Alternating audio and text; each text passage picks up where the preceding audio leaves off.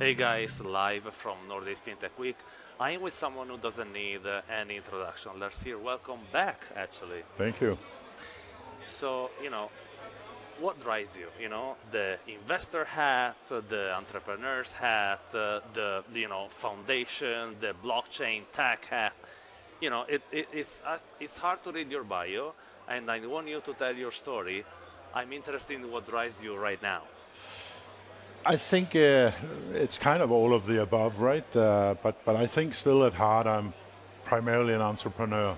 Now, obviously, uh, my exit from Saxo Bank gave me some investment opportunities as well, but uh, but I don't like to invest in boring stuff. You know, I like to invest in stuff where either I'm directly involved, that's not so often, but uh, but where I can see that there's this entrepreneurial spirit and they want to change the world and they want to do something better and they want to conquer the whole world. You know, I, I like the entrepreneurial spirit, so I would say. Uh, I think first and foremost of myself as an entrepreneur, although I, I also have some investments that are, but they're generally fun, like uh, lifestyle and sports clubs and that. I'm not so big on, on, on, on traditional assets.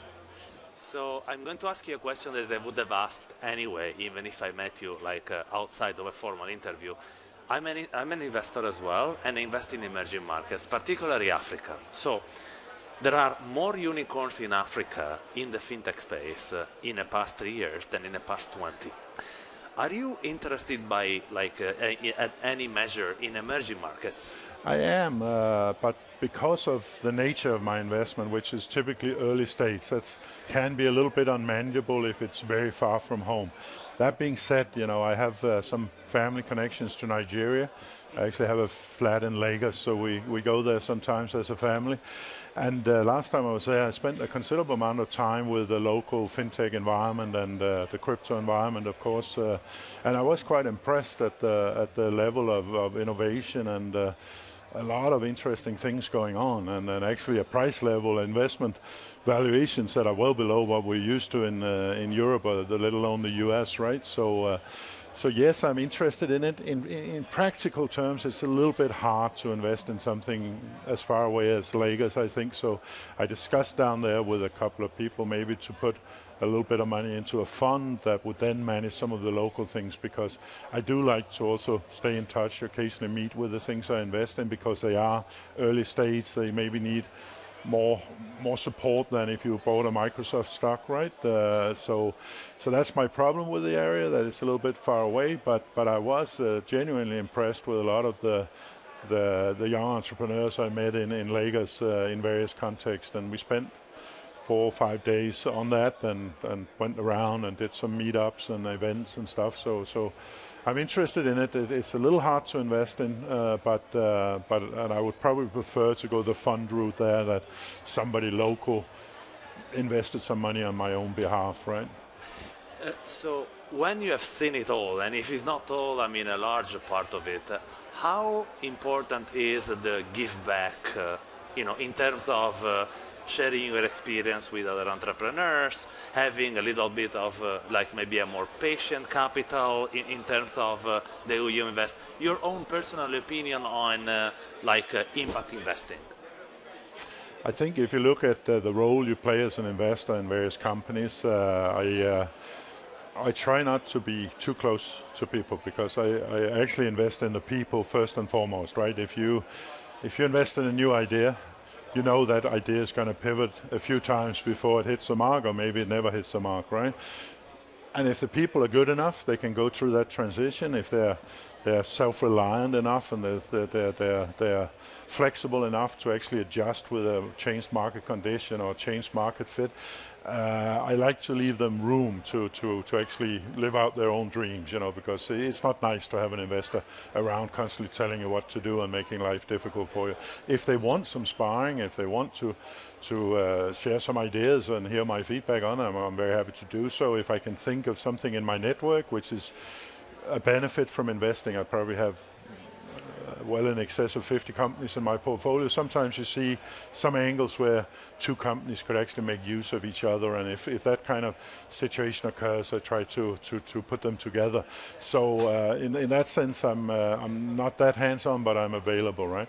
When you talk about impact investment, you're talking about specific, uh, specific areas of investment or? Yeah, like financial inclusion, for example, or financial literacy, or maybe investing in startups that have uh, a larger impact uh, in terms of uh, fintech for good, you know, as, as, as an example. I'm just curious about your view.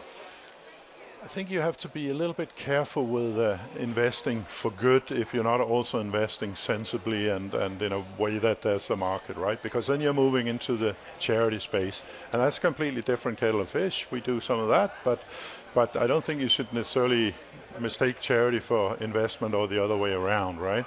Now, is it a positive if a company adds good to the world, uh, and certainly at least not detracts from the world? Absolutely. But I don't think it should be your primary uh, driver for investment decisions because then I actually don't think you do the project very much good, and I don't think you do your investments very much good. Financial inclusion, I think, is uh, is an interesting topic. You know, uh, banks, traditional banks, like to have customers, right?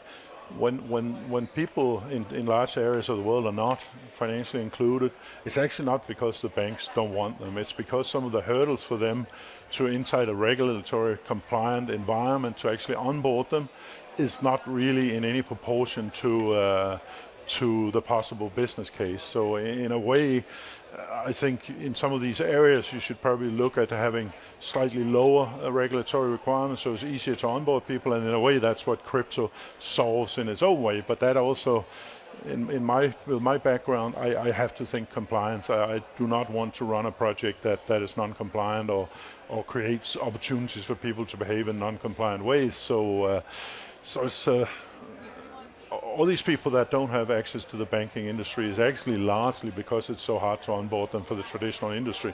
It's not because Saxo Bank or Jyske Bank or Danske Bank don't want them as customers. It's it's just too complex uh, to to uh, in in comparison to the actual business model. So maybe that's more what you should address uh, than than uh, necessarily looking for other people to fix it, right? But it is, of course, one of the values of something like Bitcoin. You can see that in very challenged areas where you have uh, little or no financial infrastructure, you have little or no fin- uh, little financial inclusion, you have collapsing currencies. That's where it appeals a little bit. Or you have your your young people abroad earning money for the family, sending it back, getting killed by some of the Western Union style transfer services. I mean, there crypto actually serves a real purpose. You know, in, in, in the in the first world, uh, it, it's a little bit more, uh, you know, uh, uh speculation, uh, nice to have. But in the third world, I think those particular issues are to some extent solved by by crypto.